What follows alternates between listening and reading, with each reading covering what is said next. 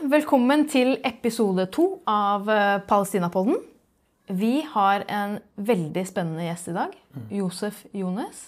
Han skal snakke litt om Sør-Afrikas eh, anklage mot Israel. Kan ikke du fortelle litt om hva vi skal snakke om? Jo, Josef er norsk-palestiner, advokat.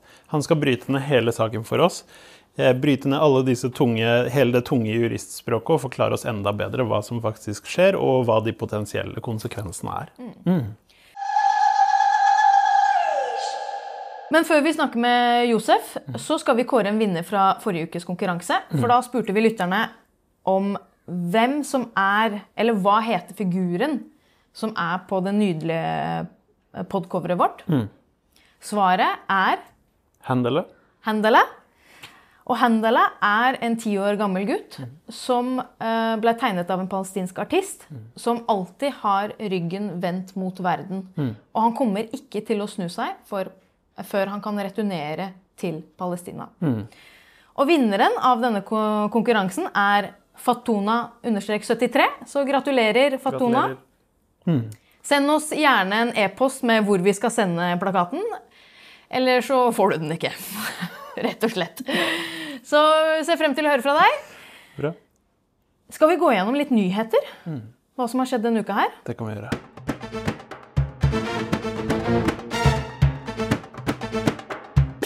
Det skjer jo ekstremt mye i løpet av en uke. Og vi klarer jo ikke å få med oss alt sammen, men vi skal ta for oss de viktigste, i hvert fall. Eh, og en av de store tingene som har skjedd denne uka, her, er jo at eh, Netanyahu har nå beordret hæren til å Gå inn i Rafa med bakkestyrker. Yes. I Rafa så er det 1,5 millioner palestinere som har blitt tvangsforflyttet til. Gud vet hvor de skal uh, gå nå. Dette strider jo imot uh, alt som de har blitt bedt om å gjøre. Yes. Som her, vi også skal snakke om senere. mm, det har jo blitt omtalt som trygge områder. Ikke sant? Det andre som har skjedd denne uka her, er jo eh, at sionister har eh, prøvd å Eller de har vært suksessfulle med å, suksessfulle med å blokkere nødhjelp inn til Gaza. De har jo til og med satt opp telt ved grensen, sånn at eh, lastebiler med nødhjelp ikke kommer inn. Jeg blir litt sånn målløs av det. Det virker jo som om eh, alt man tror ikke kan bli verre, blir på en måte verre. De finner jo nye måter å fortsette dette folkemordet på. Og det som også er litt sånn overhengende og skummelt, er jo at det her har jo blitt meldt fra israelske ledere fra starten av. Vi skal stoppe vann, mat osv. Og, så og nå melder jo folket seg på også, dessverre. Votering på Stortinget angående sanksjoner mot Israel, det skjedde 6.2. Alt ble forkastet. Alt ble forkastet til vår store overraskelse. Det var det jo absolutt ikke. Det var ikke noen overraskelse. De som stemte for, var jo Rødt, SV, MDG og Venstre. De som stemte imot, var jo Frp. Det er ikke sjokkerende. Høyre, Ap, Senterpartiet og KrF. Yes. Noe å ta med seg til neste valg. Absolutt. Det som er eh, Selv om Stortinget har eh, votert eh, Altså forkastet alt det her, så er det jo fortsatt kommuner i Norge som har sanksjoner mot ulovlige varer fra Israel. Bosetterområder. bosetterområder. Det er Bosetterområder. Yes. Blant annet Tromsø og eh, Oslo. Det har skjedd eh, for noen år tilbake. Når man hører alle disse kjipe nyhetene, så føler man at det ikke er så mye man kan gjøre. Men vi har lagd en ny spalte i nyhetsspalten, og det er There is a list.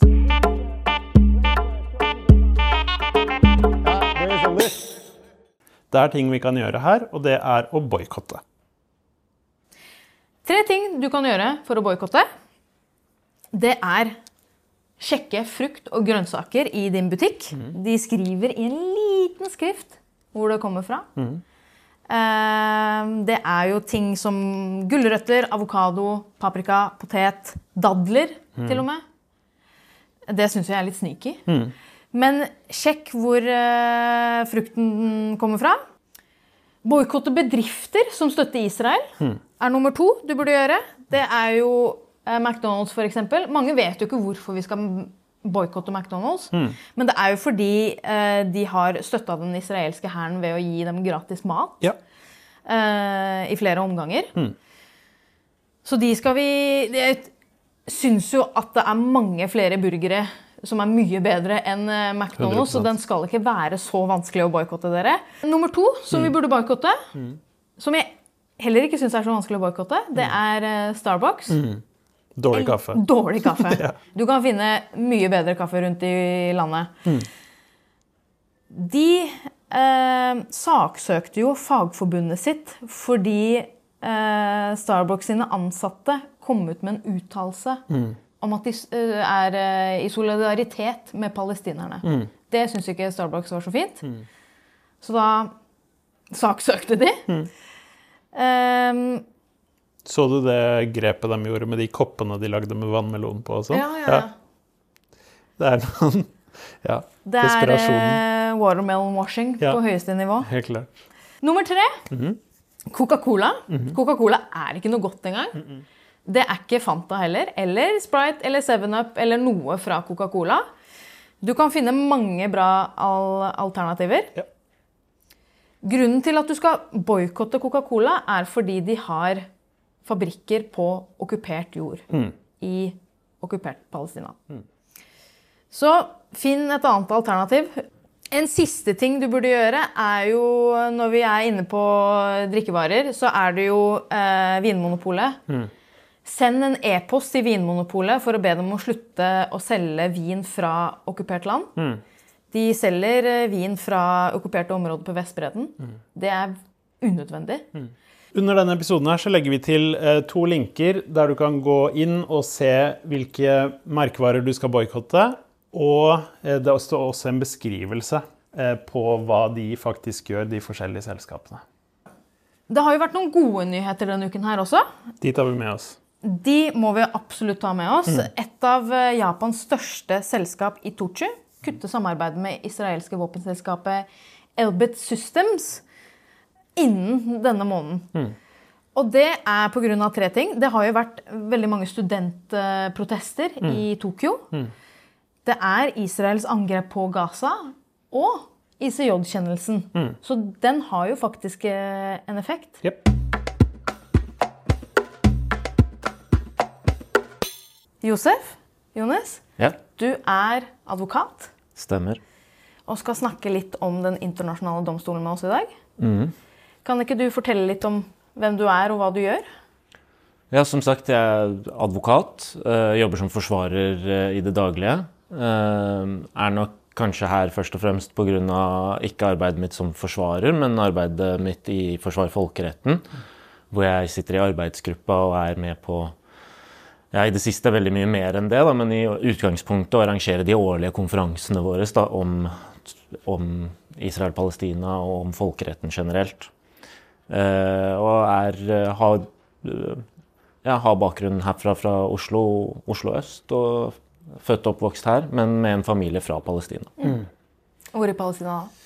Eh, delt. Farssiden min er fra et sted som heter Hara, en liten landsby som er i dagens Israel, i det vi kaller område 48. eh, og er på en måte en del av den palestinske befolkningen som israelerne ikke klarte å fordrive i 1948, og som har blitt værende og senere fått israelsk statsborgerskap. Mens morssiden min er fra Jerusalem og er en del av den den palestinske befolkningen som Israel klarte å fordrive i 1948, var en del av Nakban, som vandret til fots til Jordan. Og, og moren min er fra, er fra en flyktningleir eh, i Jordan, og senere som, ja, Familien hennes flytta senere til Amman. Så ja. Bra. Hvordan begynte ditt engasjement?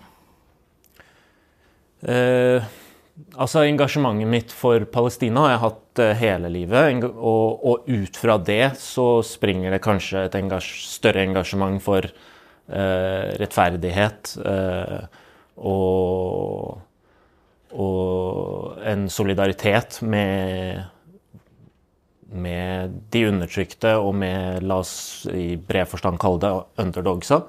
Eh, Jeg tror de av oss som er vokst opp med parabol, på en måte, og som har levd i levd i en verden hvor du har Statskanalen, som ja, i dag er bedre enn det den var da vi vokste opp, men likevel, hvor man har et offisielt vestlig narrativ, samtidig som vi på parabolen vår ser et helt annet narrativ, har nok alltid vokst opp med en tanke om at ting er ikke så enkelt som de kan virke som, og at verden er større enn det de vi går i klasse med på barneskolen tenker at det er, eller det som står i samfunnsfagbøkene våre, mm.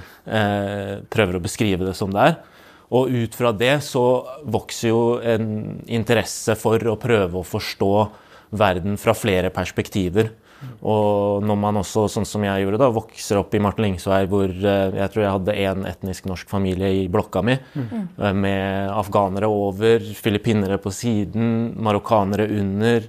Eh, ja, vi hadde lankere. Vi hadde, ikke sant? Så da du vokser opp med, med kompisen din som roper 'Tamil Tiger', så du, du vokser opp med, ikke sant? Så du, du får hele tiden input fra, fra, alle de du vokser opp rundt, om alle mulige kriger rundt omkring i verden, og alle mulige undertrykks, undertrykkslinjer mm. rundt omkring i verden. Og ut fra det så vokser et engasjement for, for uh, global politikk og rettferdighet og, og ja.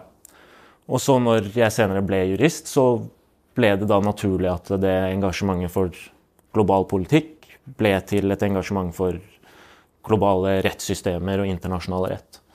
Så det er nok det i korte trekk. Mm. Var det um, pga. din oppvekst at du valgte den karriereveien, eller var det andre ting som spilte inn i livet ditt, som fikk deg på den veien du er på?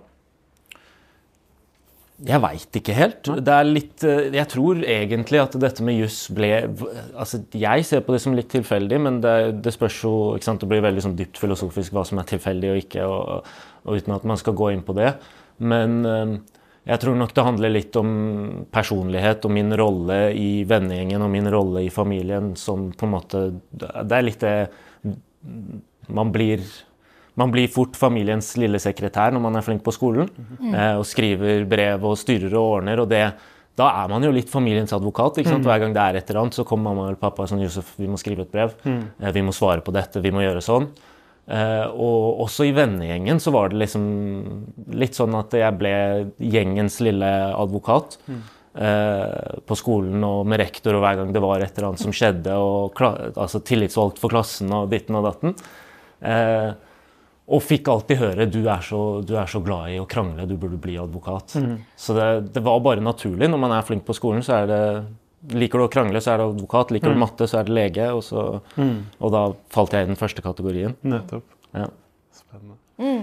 Vi skal jo uh, litt gjennom Sør-Afrika, eller ganske mye gjennom Sør-Afrika i saken i dag. Um, vi må jo bryte ting litt ned. Mm. Eh, det er jo et språk som blir brukt som vi ikke bruker hver dag. Ja. Veldig fint at du, at du, er her og hjelper oss med det. Så mm, vet ikke, Vil du snakke mer om folkeretten, eller vil du inn på Jeg tenker jo også det er fint å bare si at du, er, du tok jo initiativ til initiativet Forsvar folkeretten også. Mm. Vil du forklare litt hva det er? Ja, så jeg er tilsluttet. Um, det selve initiativet baserte seg på et opprop fra 44 norske jurister. Ehm, eh, og i år er femårsjubileet, så det blir jo da i 2019. Ehm, og det oppropet gikk i korte trekk ut på at eh, man som jurister så at eh, Israels spesielle posisjon i verden, hvor de opplever fullstendig straffrihet for sine gjentatte og vedvarende brudd på folkeretten, at det ikke bare er en katastrofe overfor ofrene for disse forbrytelsene, men også en katastrofe for folkeretten som et system. Mm. Eh, og at eh, ved å ved å skape et rom, et, et slags blindsone, mm. eh, ved å gi dem denne straffriheten, så skaper man en blindsone innenfor folkeretten mm. som er med på å undergrave hele systemet som sådan. Mm. Sånn at denne straffriheten som Israel har nytt godt av i alle år, er ikke bare en trussel mot ofrene for deres forbrytelser, men, mot, men en trussel mot det internasjonale straffsystemet, altså den internasjonale rettsorden mm. som sådan. Eh, det var i korte trekk det oppropet på en måte var inspirert av, det perspektivet, og, og, var direkte rettet mot norske myndigheter. At norske myndigheter må begynne å sanksjonere og må begynne å ansvarliggjøre Israel for deres brudd. Eh, og så har det vokst da, fra å være 44 jurister til å bli flere hundre eh, i dag. Eh, så det er det egentlig forsvaret folkeretten går ut på. Da. Det går ut på et grunnsyn om at eh, begynner man å forskjellsbehandle noen, så undergraver man hele systemet som sådan. Og prinsipper er prinsipper. De skal anvendes likt, og de skal, eh, ja, de, de skal gjelde generelt. Og ett unntak her er ikke bare et unntak, det er, det er et angrep mot systemet. Og hva er folkeretten, hvis man kan spørre om det? Altså folkeretten, det er litt spesielt at det har fått det uttrykket i Norge, folkerett. Eh, På engelsk så kaller man det jo bare international law. Mm. Og det er jo det det er. Det er Ja. det internasjonale rettssystemet. Eh, Og kanskje Jeg veit ikke hvor treffende det er å kalle det folkerett, selv om det har blitt så innarbeidet. fordi det, jeg tror det det uttrykket sikter på, er jo at det er det rettssystemet som, som regulerer kanskje rett, Altså regulerer de rettslige mekanismene mellom folk, ikke innad i folkegrupper. Men, men egentlig det det gjør, er jo å regulere staters eh, atferd. Um, og hva det er eh, Man kan jo, ikke sant Det, det spørs hva man sikter til eh, når man skal prøve å, å, å, pakke, å pakke det ut. Eh, man kan trekke folkeretten hvis man vil, så kan man trekke historiske linjer flere tusen år tilbake.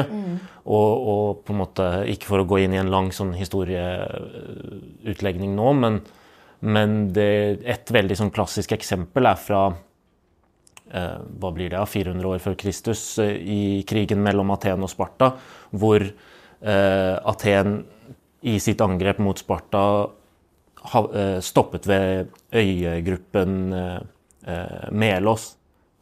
Det heter, hva heter det på norsk? Melis? Ja. Eh, og, så, eh, og, og det er en dialog som er skrevet ned blant atenerne og, og meliserne, hvor atenerne med sin helt overlegne militære styrke egentlig bare gir et ultimatum. Enten bli slaver, altså dø og bli slaver, eller, eller bli en del av vår angrepsstyrke mot Sparta. Mens Melos som en gammel spartansk koloni eh, hadde forsøkt å forholde seg nøytral eh, i krigen og ikke støtte noen. Og da er det skrevet ned den dialogen eh, hvor, eh, hvor meliserne prøver å si at eh, prinsipper om rettferdighet og moral tilsier at det dere gjør nå, ikke er riktig, og at det, vi har moralen på vår side, og derfor kan vi ikke underkaste oss. og Vi må heller, vi ønsker å være nøytrale, og det må dere klare å respektere. Mens atenerne i korte trekk sier at eh, prinsipper om rettferdighet og moral eh, de gjelder kanskje innad i Aten, men de regulerer ikke statenes atferd. Statenes atferd er regulert av prinsipper om makt, hvor den mektigste er den som Altså det, det er makten som rår. Eh, og dere vet at vi kommer til å slå dere i krig, og derfor må dere underkaste dere vår vilje. Og så er det en lang filosofisk dialog mellom dem som går ut på hva er det som egentlig regulerer staters atferd. Kan Aten, som på det tidspunktet, altså etter datidens standard, var et demokrati, eh, kan de forkaste alle demokratiske prinsipper og alle prinsipper om rettferdighet og moral som de styres av i sin atferd med hverandre som atenere? Kan de forkaste det i det større spillet, med, i atferden mellom stater? Hvor meliserne mente at det kan man ikke gjøre. Hvis rettferdighet og moral skal styre oss som individer, så skal det også styre oss som grupper. Mens atenerne mente at nei, med en gang man kommer opp på et gruppenivå, så er det makta som rår. Ehm, men allerede da så så man at det konseptet om en slags rettferdighetsstyrt atferd også blant stater, var, det, det var et konsept allerede da. Folkeretten som vi kjenner den i dag, eh, med det systemet eh, som vi kjenner i dag, eh, er ungt. Eh, og man kan vel egentlig starte med, med Folkeforbundet etter første verdenskrig, og da ble jo forgjengeren til Den internasjonale domstolen som vi kommer til, ble jo opprettet allerede da. Og så etter andre verdenskrig med opprettelsen av FN og dagens eh, internasjonale domstol. Så dette, altså folkeretten som et system med eh, tilslutning fra alle verdens stater, og med traktater som på en måte ja, Hva skal man si På et eh, konstitusjonelt nivå eh, regulerer eh, staters atferd og regulerer individers rettigheter, det startet vel egentlig da. Altså nå i det, i, i det siste århundret. Er alle tilslutta det? Er alle land tilslutta internasjonal eh, og- Ja, grovt, grovt sagt, ja. Ja. Ikke sant? Det, alle land som er med i FN, er, med FN er, med på, er med på systemet i grove trekk. Og så finnes det selvfølgelig noen traktater som ikke alle stater har tilsluttet seg. Men, eh, men sånn folkeretten funker, så er det eh, i utgangspunktet sånn at stater bare er bundet av det de selv binder seg til, som er disse traktatene. Hva er traktater? Altså dette, det er, eh, Man kan kalle det kontrakter, avtaler. Ja, Ja. Men det er avtaler mellom stater. Så f.eks. Genévekonvensjonen da, Mm. eh, er jo egentlig bare en avtale om at når vi går til krig, så er dette reglene. Dette er spillereglene. Mm. Og så har de fleste stater som fins, har jo skrevet under på den avtalen. De fire avtalene, da, de fire Genévekonvensjonene. Eh, Men sånn folkeretten funker, så har man det som står i avtaler, eh, og som sagt at stater i utgangspunktet bare er bundet av det de har skrevet under på. Men vi har også noe som heter internasjonal sedvanerett, og sedvane er jo bare et fancy ord for eh, eh, tradisjon, kanskje, kutyme, eh, hva som er vanlig. Og, og, og for regler som oppstår av at man bare har fulgt Man har bare oppført seg på en viss måte over lang nok tid, og så har det blitt en uskreven regel. Og det fins masse sånne grunnleggende regler i folkeretten, som f.eks. alle reglene i Genévekonvensjonen, som har blitt til sedvanerett. Som binder alle stater, uavhengig av om du har skrevet under eller ikke. Så du har dette tosporede systemet. Du har det som ligger i bånn, som er så absolutt og så fullt av så mange over så lang tid at det gjelder uansett om du har skrevet under på en traktat som sier det eller ikke. Det er sedvaneretten, og den inkluderer alt det vi skal snakke om eh, etter hvert. Genévekonvensjonene og egentlig ja, eh, Og alt som har med menneskerettigheter å gjøre. ikke sant? Menneskerettserklæringen. Eh, Men så har du også dette traktatsystemet, hvor, hvor det er mer konkrete, detaljerte regler som er skrevet ned i avtaler. Så det er, liksom, det er folkeretten i et nøtteskall.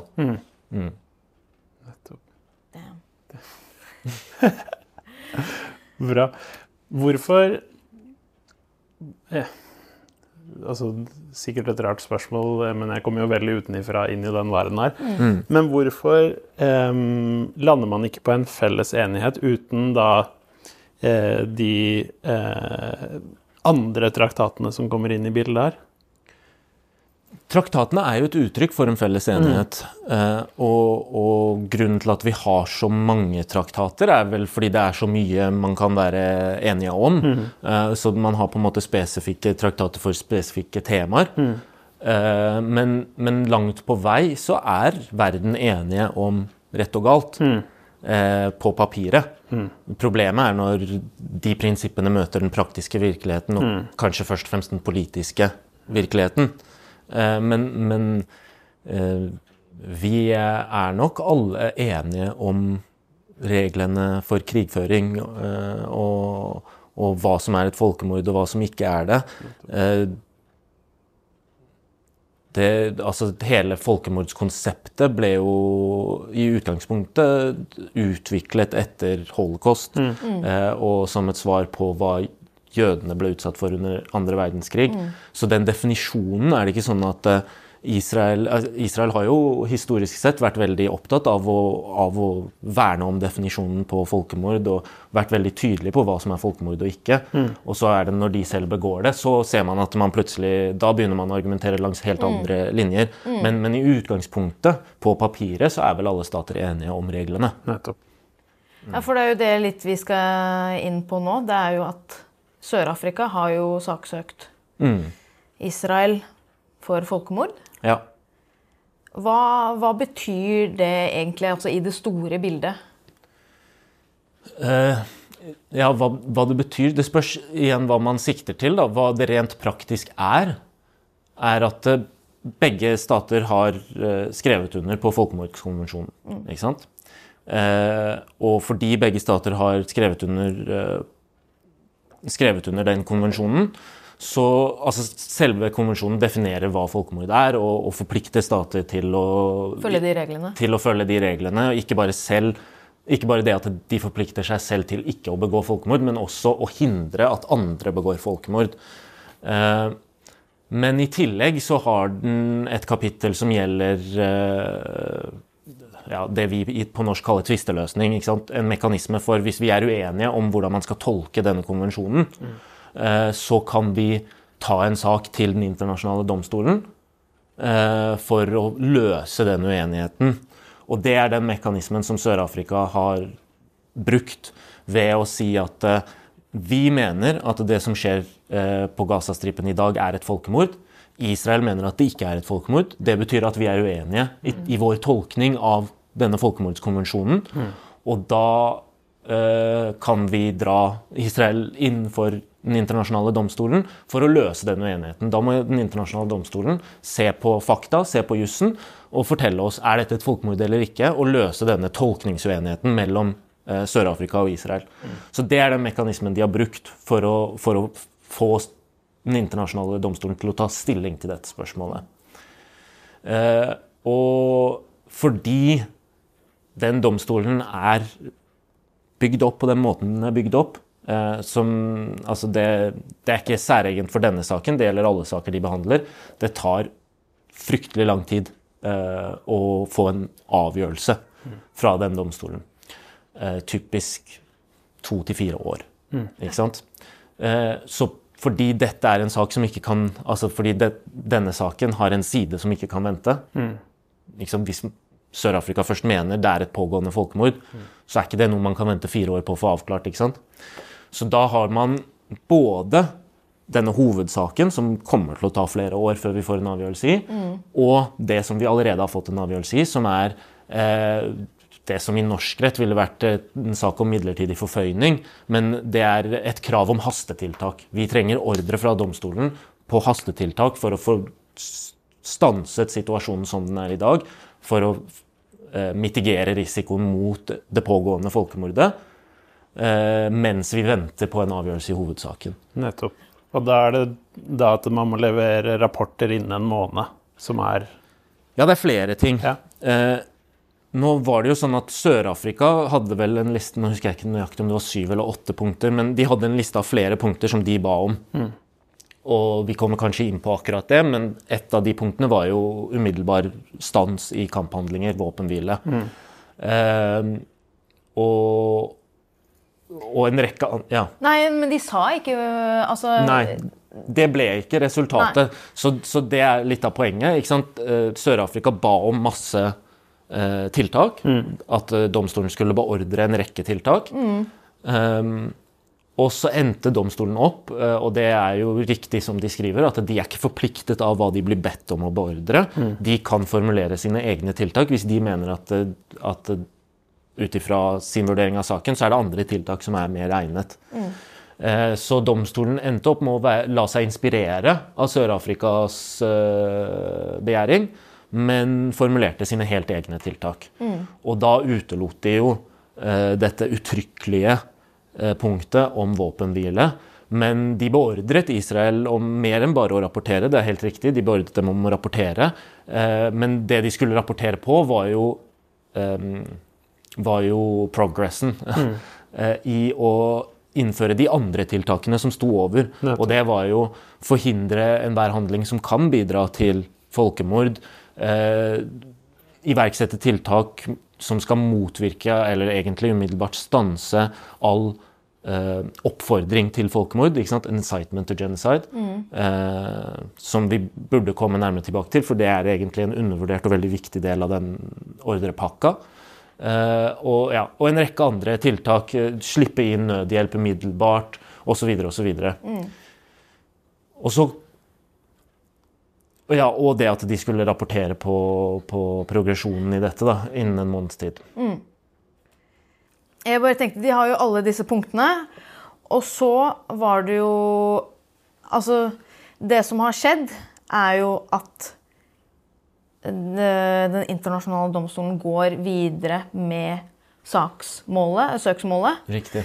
Eh, og de skal behandle det for å se om det er et folkemord eller ikke. Du snakka jo litt om hastetiltak. Det var jo det vi så på nyhetene for at det, det skal forhindres et folkemord. Eh, og så var det jo veldig mange palestinere Det var jo veldig mange forskjellige reaksjoner på det. Noen var jo veldig Vi så dette som en seier, på en måte. At dette er det lengste vi har kommet noen gang på en måte etter 75 år. Mens videoene fra Gaza var jo mer at mange var skuffa fordi det ikke ble sagt våpenhvile.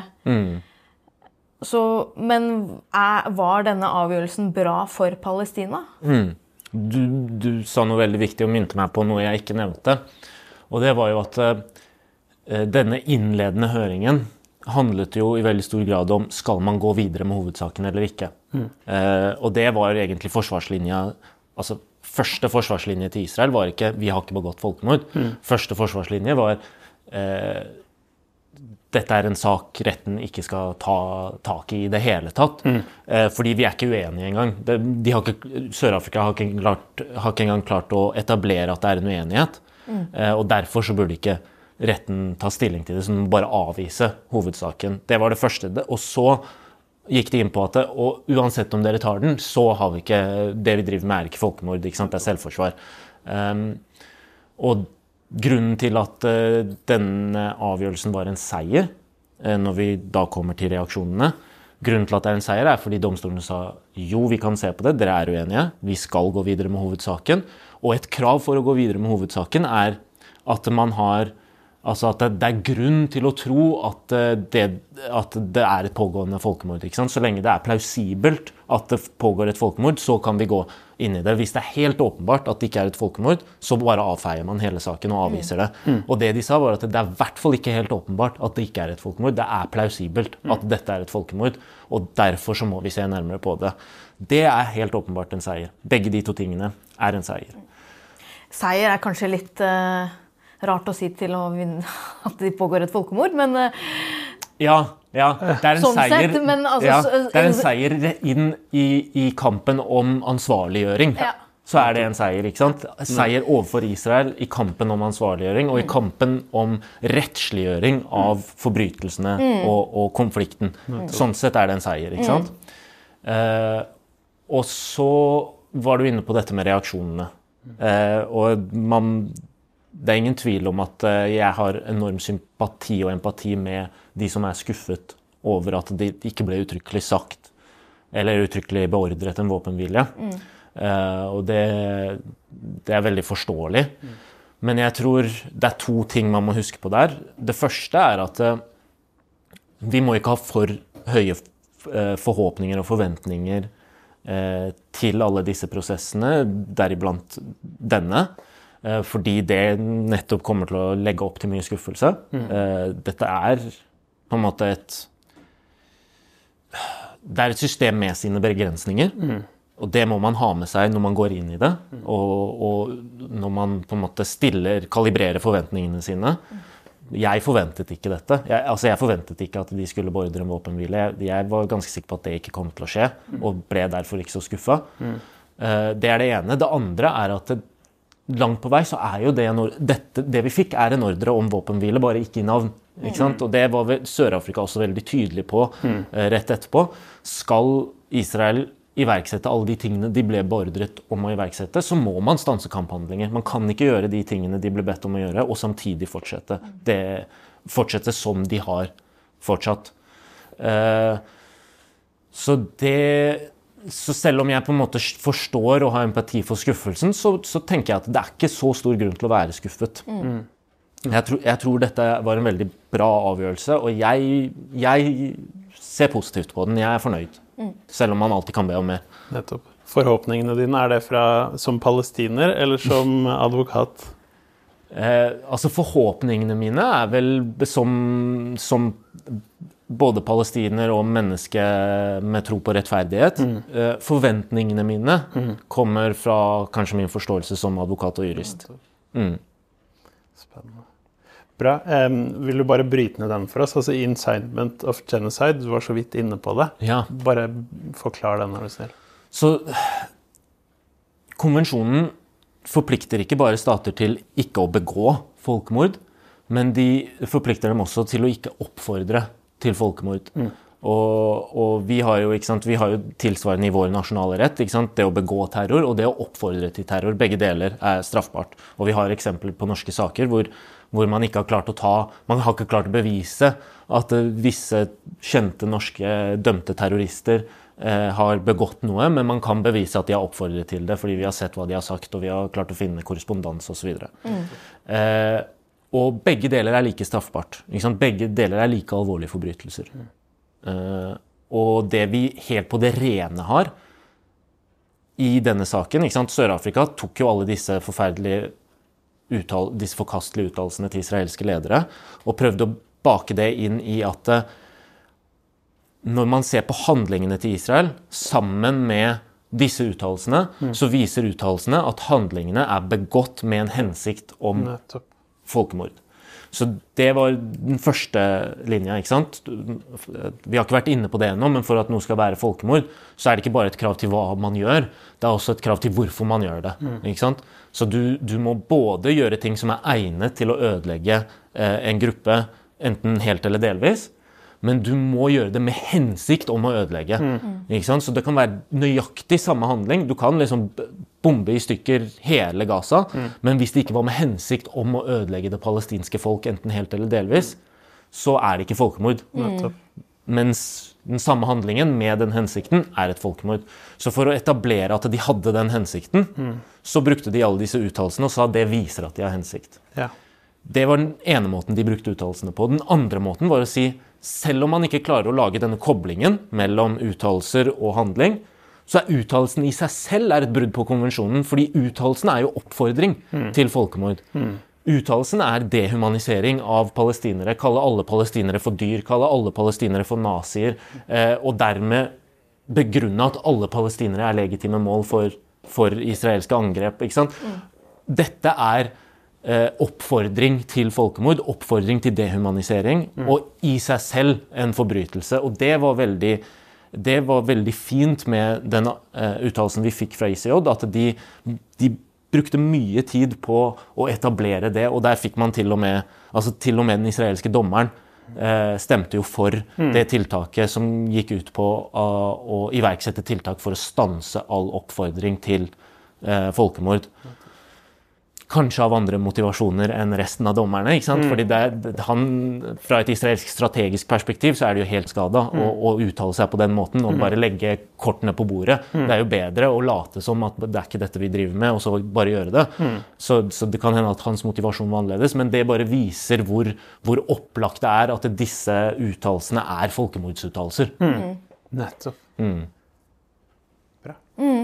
Mm. Nei, jeg bare tenkte, for man så jo også det derre En av de første tingene vi så, var jo uh, Joav Galant som sier uh, mm. det skal ikke komme inn noe nødhjelp. Mm. Skal ikke, de skal ikke få noe mat, drikke, strøm. Mm. Ingen forsyninger. Mm. Og det i seg selv er jo en hensikt til folkemord. Altså, jeg skjønner ikke helt hva annet det er. Ja. Mm. For han sier jo ikke heller at det ikke det er for å hindre at Hamas skal nei, gjøre nei, noe nei. med det, f.eks. Det mm. var bare alle under én kam. Mm. mm. Akkurat. Ja. Og forsto jeg deg riktig, da, så hvis du um, Hvis hensikt, er hensikten og handlingen like straffbart, var det det du sa? Eller misforstår jeg? Nei. Uh, uttalelsene -hmm. Altså oppfordring til, Hvis man sier at dette, disse uttalelsene er oppfordring til folkemord, så er det en like alvorlig forbrytelse som det å begå folkemord. Nettopp. Nettopp. Eh, men, eh, men, det som Israel forsvarte seg med, da, når du var inne på Joav Galant og, og, det, og hans uttalelser Det de forsvarte seg med, som, som, nådde, som, jeg ikke tror de kommer til å nå frem med, og i hvert fall ikke på dette forstadiet, var at eh, du må skille mellom hva Eh, folk sier mm. som politikere mm. i et klima hvor man som en nasjon sørger og er sinte og rasende, mm. og kanskje man sier ting av politiske grunner for å få velgere, så det er viktig å liksom uttale seg i tråd med folkeraseriet. Mm og det som er ordre. Mm. Offisiell ordre. Mm. Og, og, man kan ikke trekke likhetstegn. Og det er sant, man kan mm. ikke trekke likhetstegn, men, men, det jeg syns Sør-Afrika gjorde en veldig god jobb i, var å vise at eh, men det de sier, er det samme som de offisielle ordrene. Når man ser på hva de sier og ser på hva de gjør, så ser man at de offisielle ordrene går ut på det samme. Så det var i på en måte det å begå folkemordsporet. Men når det gjelder oppfordring, sant, så kan man i mye større grad bare se på hva de sier, uten å se på ordre. Fordi når du sitter i krigskabinettet som den øverste militære lederen, og du sier de tingene Joav Galant sier, og vi senere ser israelske soldater, soldater som tiktoker eh, med leketøy til slakta barn, og tiktoker at de bomber, og tiktoker at de torturerer eh, menn, eh, avkledde menn og fastbundne menn, så er det jo en direkte kobling mellom? Grunnen til at de tillater seg selv å gjøre dette, er fordi deres øverste ledere har sagt det de har sagt. De vet at det, dette er jo helt i tråd med retorikken til lederne våre. Dette er helt i tråd med synet til lederne våre. Det er ingen som kommer til å straffe oss for å gjøre dette, fordi vi gjør jo vi behandler dem som the children of darkness. Vi behandler dem som dyrene som lederne våre sier at de er. ikke sant? Og, og den, det er hele poenget bak at oppfordring til folkemord er like alvorlig. Det er fordi det får denne følgekonsekvensen lenger ned på bakken. Ikke sant? Så, så der, der tror jeg at eh, Israel har den svakeste saken. Én ting er dette med å klare å bevise folkemordshensikt. Det er veldig vanskelig, og det er, det, er, det er en grunn til at man ikke har så mange etablerte folkemord i en rettslig forstand i, i, i vår historie. Eh, men, men på det nivået så tror jeg de stiller veldig, veldig, veldig, veldig svakt rettslig sett. Og det var jo litt interessant, eh, sånn som jeg forsto det da jeg satt og så For jeg så både Sør-Afrika sin eh, Altså, hva er det man kaller det? Ja, det var vel prosedyre. Prosedyre. Og så så jeg Israel Eller innlegg, sin. ja. innlegg. Um, og sånn som jeg skjønte Israel sitt innlegg, så var det ikke sånn at de ikke sa at de ikke drev med folkemord. Det var mer det at eh, De hadde jo nevnt Hamas sånn 147 ganger, eller noe sånt, så de var jo mer på å angripe det Hamas gjorde, Ja. heller enn å si at de ikke driver med folkemord. Så de har jo, de har jo ikke benekta det egentlig. Altså, i veldig lite av argumentene Jeg er enig med deg i at veldig lite av argumentasjonen gikk ut på å benekte. Eh, De bare avfeide det. Så de benektet det som en blankosetning. Det er åpenbart at vi ikke gjør det, og det er til og med forkastelig at dere anklager oss for det. Og så brukte de resten av tiden sin på å snakke dritt om Hamas, og, og til og med også angripe Sør-Afrika og si at Sør-Afrika er bare det juridiske organet til Hamas, og de bare opptrer som advokatene til Hamas, og de er også terrorister. og liksom Ja.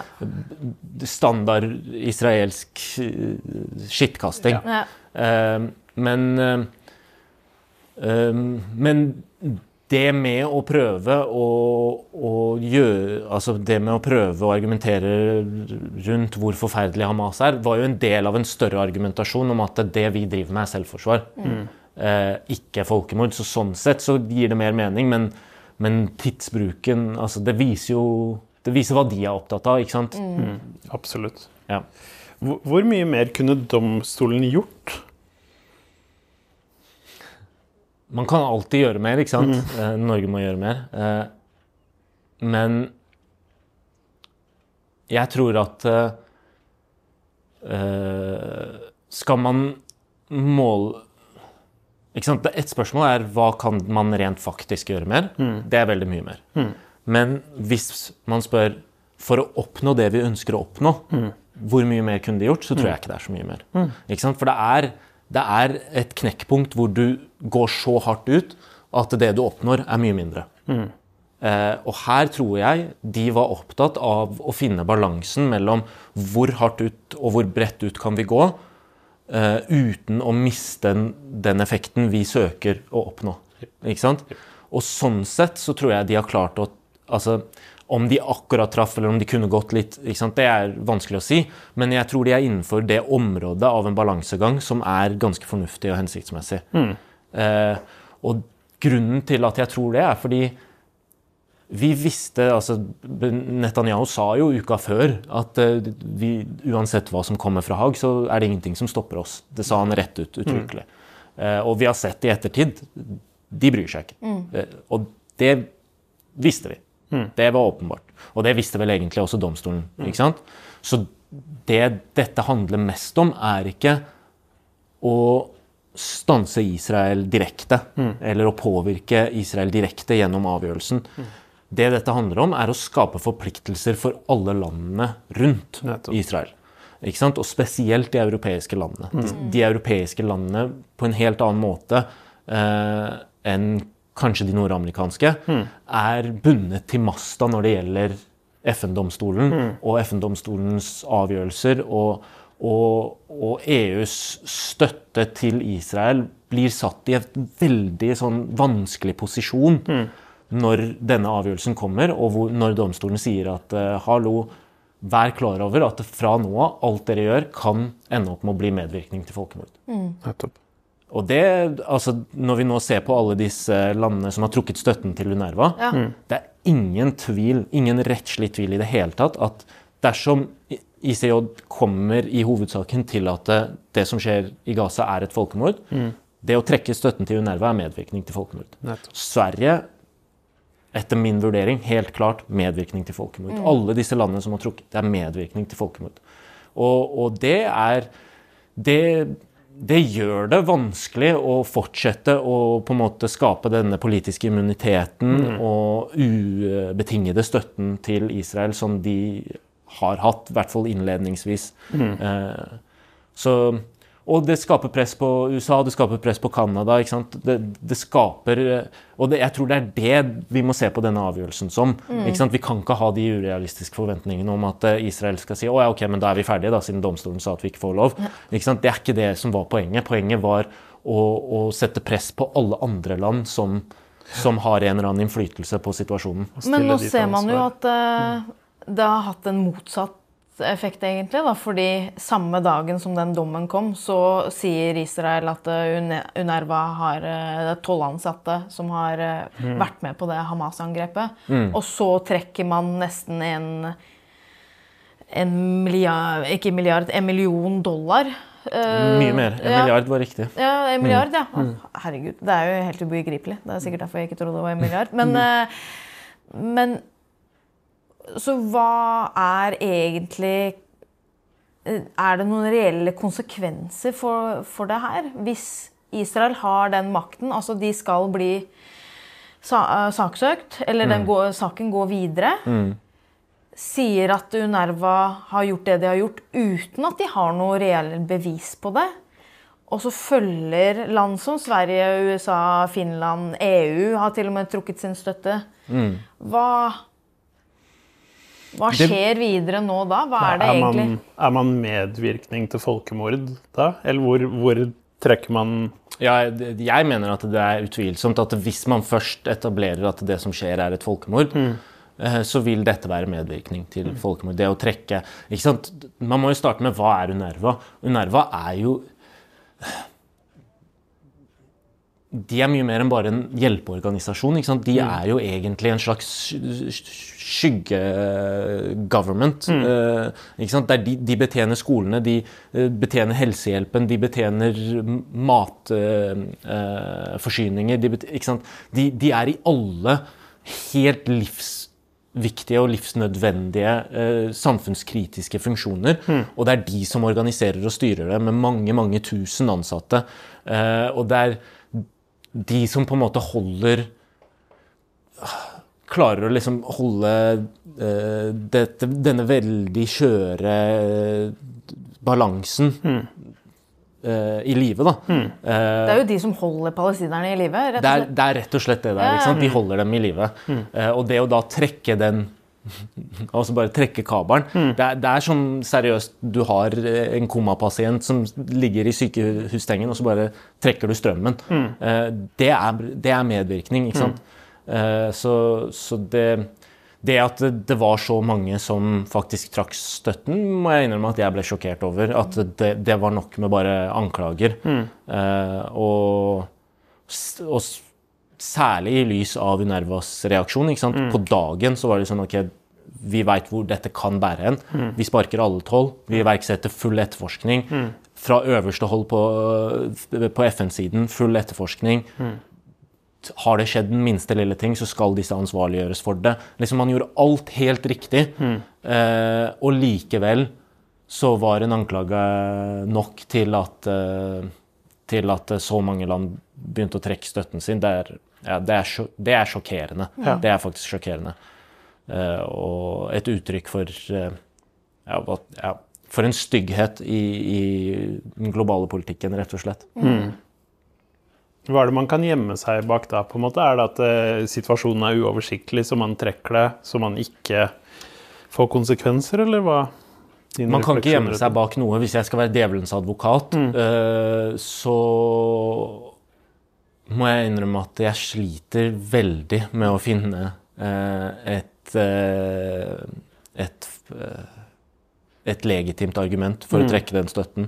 Du, altså det, det sammenlignbare ville vært at fordi en eller annen politibetjent banka opp en fyr på bensinstasjonen i Kongsberg, mm. så, så skal vi bare defunde hele politiet. Sant? Det er parallellen her. Vi snakker 40 000 ansatte, 12 stykker som bare har blitt anklaget. Uh, og da trekker man hele stø... Det, det gir ikke mening. Selv om, selv om, la oss si det er sant, da, selv om de har gjort det, så gir det fortsatt ingen mening å trekke støtten til UNRWA. Det, Ok, men da, da må man gå etter de tolv, da. Men å trekke støtten til det som holder det palestinske folket i live i en så kritisk situasjon som de er i i dag Det, det går ikke an å forsvare det. Uans, ja, nei, det, det fins ikke noe legitime argumenter for det. Nettopp. Det er kanskje et litt sånn synsete spørsmål, men jeg må bare spørre. Eh, tror du eh, ICJ kommer til å være aggressive på den delen ved neste, neste høring, eller hva, hva man kaller det? Det er, det er et godt spørsmål, egentlig. Det har jeg ikke tenkt så mye på. Uh, nå er jo dette Ikke sant? Jeg, jeg sa jo at eh, stater ikke bare har en plikt til å ikke begå folkemord, men de har også en plikt til å hindre at andre stater begår det. Og, og dersom ICJ lander på at dette er et folkemord, så vil jo det å trekke støtten til UNRWA være et brudd på alle andre stater eh, sin plikt til å, til å forhindre Israel i å begå folkemord. Da ville de ha gjort det rake motsett, motsatte. Eh, så det burde tematiseres. Eh, og så er det vanskelig å spå i hvilken grad det blir tematisert. da. Eh, Men samtidig, du har på den ene siden Jeg skal være forsiktig med karakteristikker, men du har på den ene siden disse landene som har trukket. Og så på den annen siden så har du jo Det er jo en grunn til å være stolt av å være norsk. ikke sant? Du har Norge som har steppet opp, ikke bare har fra første dag utøvd enormt eh, diplomatisk press på alle land som trakk støtten, og jobbet beinhardt for å få dem til å reversere den avgjørelsen, men som også langt på vei nå skal prøve å dekke opp all, alt det tapte bidraget. Eh, og du har Spania som tredoblet sitt bidrag på dagen. ikke sant? Så det, du ser også at det er noen stater som stepper opp. Eh, men selvfølgelig, det er, jo, det er jo en tragedie at det var så mange, og, og til og med liksom skandinaviske, nordiske land, som blir med på det tullet. Nei, det var, det var utrolig skuffende. Jeg syns bare det er fascinerende, fordi Eller sånn um, Ja, vi har jo vokst opp med satellitt-TV, hele gjengen der. Så man har jo på en måte sett at når, når eh, For det er jo store, tunge nasjoner som har en veldig sterk posisjon i verden, som trekker støtten her nå. Og hvor ofte man har sett at det bare blir feid under teppet, eller at det ikke blir en, Hvis det ikke blir tematisert, da, så så er det sånn Det overrasker meg ikke, på en måte, men når jeg får det brutt ned nå, så er det jo en veldig stor del av hele saken. Da. Mm. Så Ja, det blir spennende å se hva som skjer. Det er noen av de største bidragsyterne, de som nå har trukket. Og, og det man glemmer litt, er ikke sant, Unerva ble jo lagd Hvis man går tilbake til flyktningkonvensjonen, så vil man se at eh, i hovedbestemmelsen til flyktningkonvensjonen så har du en egen bestemmelse som gjelder palestinske flyktninger. Eneste flyktningene som liksom har sin egen lille regulering. Og det er jo fordi da flyktningkonvensjonen ble vedtatt, så var jo palestinerne var de store, den store flyktninggruppen etter Nakban. Eh, og, og på mange måter så var UNRWA var svaret på hvorfor er det palestinske flyktninger hvorfor skal, ikke sant? Det var jo sånn at Stater ville ikke bare ta imot mange millioner flyktninger. Det ville vært en enormt problem. Så når man på den ene side skal gi flyktninger rett til asyl, Og samtidig så ville man ikke ta imot mange millioner. ikke sant? Det ville skapt et for stort press. Så lagde man denne særreguleringen for eh, de palestinske flyktningene. Hvor at de, man skulle forsøke å gi dem hjelp der de var, med tanke på at de har jo egentlig en rett til retur. ikke sant? Som det skulle være en sånn midlertidig livslinje til akkurat disse flyktningene. fordi de vil vi ikke assimilere i andre land. Vi vil jo at de skal De har jo denne retten til retur. Eh, når man trekker støtten fra UNRWA og man bryter ned alt det, det egentlig de statene gjør, er jo å skape en forpliktelse til å ta imot haugevis med palestinske flyktninger. Mm. Sant? Hele det systemet var jo bygd opp for at de skulle slippe å ta imot palestinske flyktninger. Så de, de driver egentlig og biter seg selv i ræva. Ja. Eh, men ja. Det er jo ikke et mål fra vårt perspektiv, egentlig, at man, at man skal ha en svær palestinsk flyktningbølge. Som. Det er jo ikke det vi er ute etter. Nei, nei. Men, men det er jo stikk i strid med hva de prøver å oppnå, egentlig. Mm. Så ja. ja. Logikken uh, gir ikke helt mening. Nei. Det blir, uh, det blir spennende å se fortsettelsen på det her. Når, er det, når er det det her skal opp igjen? Domstolen? Vet du det? Nei, det, det, er ikke, det er ikke sagt. Det, det, er ikke, det er ikke berammet. Eh, men eh, jeg tror ikke vi kan forvente noe i hvert fall ikke i 2024, kanskje ikke i 2025. Mm. Eh, så nå altså, altså, nå tenkte jeg på i hovedsaken. Den, nå har de jo gitt en plikt til å, eh, til å rapportere, og det Ja. gir jo en anledning når de nå mottar, hvis de mottar noe i det hele tatt, Ja. eh, så skal de jo uttale seg på bakgrunn av hva de har mottatt. Og det, det som er fint med å, å gjøre det, er jo at det gir en anledning til at domstolen kan uttale seg om situasjonen underveis da, mens vi venter på denne hovedavgjørelsen. Så det var også et ganske genialt trekk både fra Sør-Afrikas side og det at um, domstolen ble med på det, for å gi dem en mulighet til å kunne komme med fortløpende uttalelser underveis. Da. Nettopp. Så det er det som skjer, at nå, når den måneden er over og de skal levere den rapporten, Mm. så er det en uttalelse. Det er ikke noe annet Altså, det er jo bra, det, men det er ikke noe annet som skjer, bortsett fra at man på en måte går ut med det. Det er en adgang til å gi ordre uh, ut ifra det, og justere de ordrene de har gitt. Og, så det er litt vanskelig å spå hva man får. Det spørs jo hva, hva de får. ikke sant? Men, men basert på hvordan situasjonen er på bakken, så er det vanskelig å se for seg at domstolen ikke, ikke kommer med et eller annet uh, av verdi, da. Uh, ja.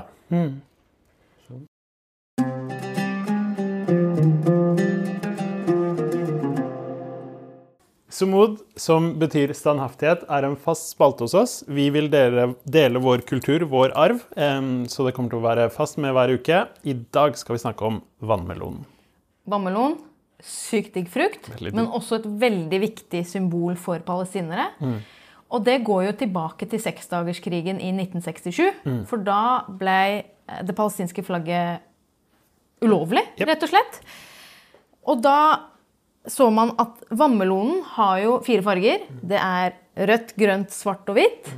Og det har jo også det palestinske flagget, og derfor ble det et symbol eh, Nesten en erstatning for eh, det palestinske flagget. Mm. Og det var jo et viktig symbol da, for da kunne man gjøre det gjennom kunst eh, på vegger og tegne vannmelonen. Men det har også blitt et viktig symbol nå pga. shadowbanning på sosiale medier.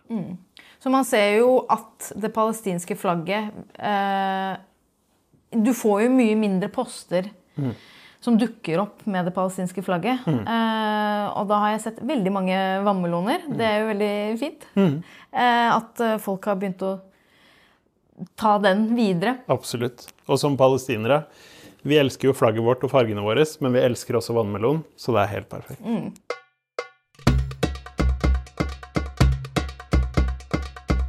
Det har vært en del bevegelse i det siste. Det har vært en del harakat. Det har vært en aksjon utenfor den israelske ambassaden. Det var en die-in eh, utenfor ambassaden. Der folk lå på bakken med laken med blod på. Det var noen som sto med bylter. Og dette var jo fordi vi må gå rett til kilden, rett og slett. Mm. Israel bryr seg ikke om eh, hastetiltakene. De gjør ting nå som Akkurat som de vil. akkurat som de vil. Så da må man jo gå rett til de det handler om. Og i dag er det 10. februar når vi spiller inn. I går var det Vixen Awards. Det Var det? Bra. Ja. Der var du. Der var jeg, ja. Ja.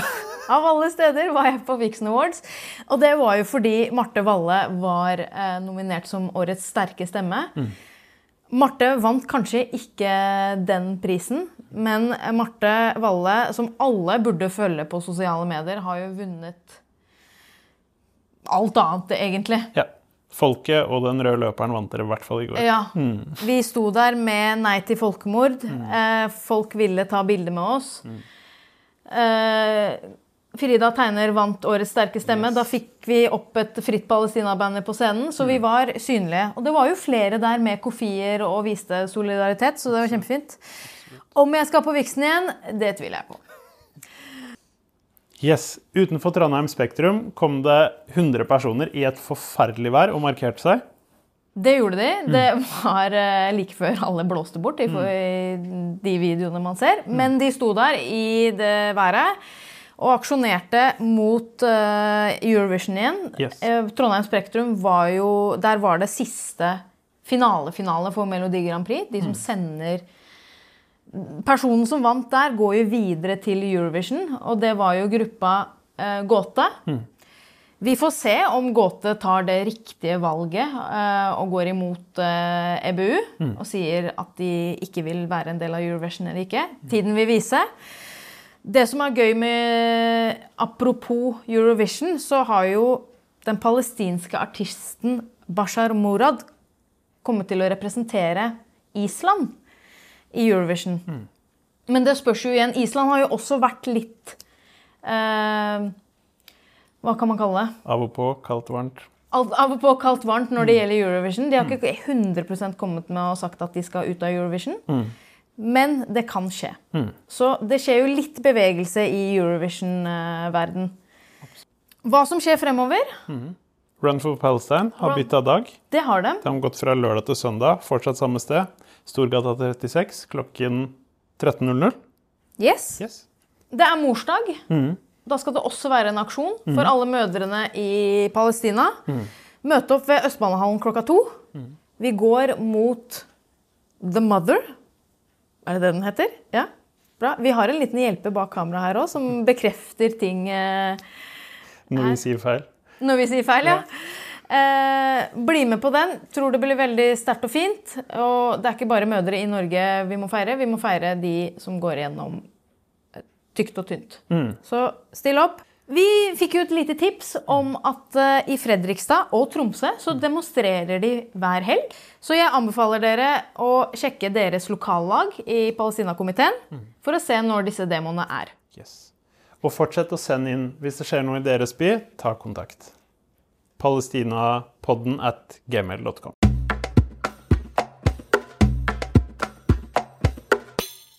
Vi har kommet ved veis ende med denne episoden. Jeg føler jeg har lært så sinnssykt mye. Jeg tror at uh, du kommer til å høre om Josef sin uh, klokhet, rett og slett, i denne episoden. Og så har vi en del to av eh, Sør-Afrikas anklage, Ja. som kommer senere til uka. Ja. Og vi må også følge opp Josef senere når vi får eh, disse rapportene tilbake igjen som Israel skal fremlegge. Så håper vi ser han mange ganger igjen. Hvis du har noen spørsmål, hvis eh, det er noe du vil at vi skal snakke om, igjen, ta kontakt med oss. Ellers så ønsker vi deg en eh, fin uke, og så ses vi neste gang. Ha det!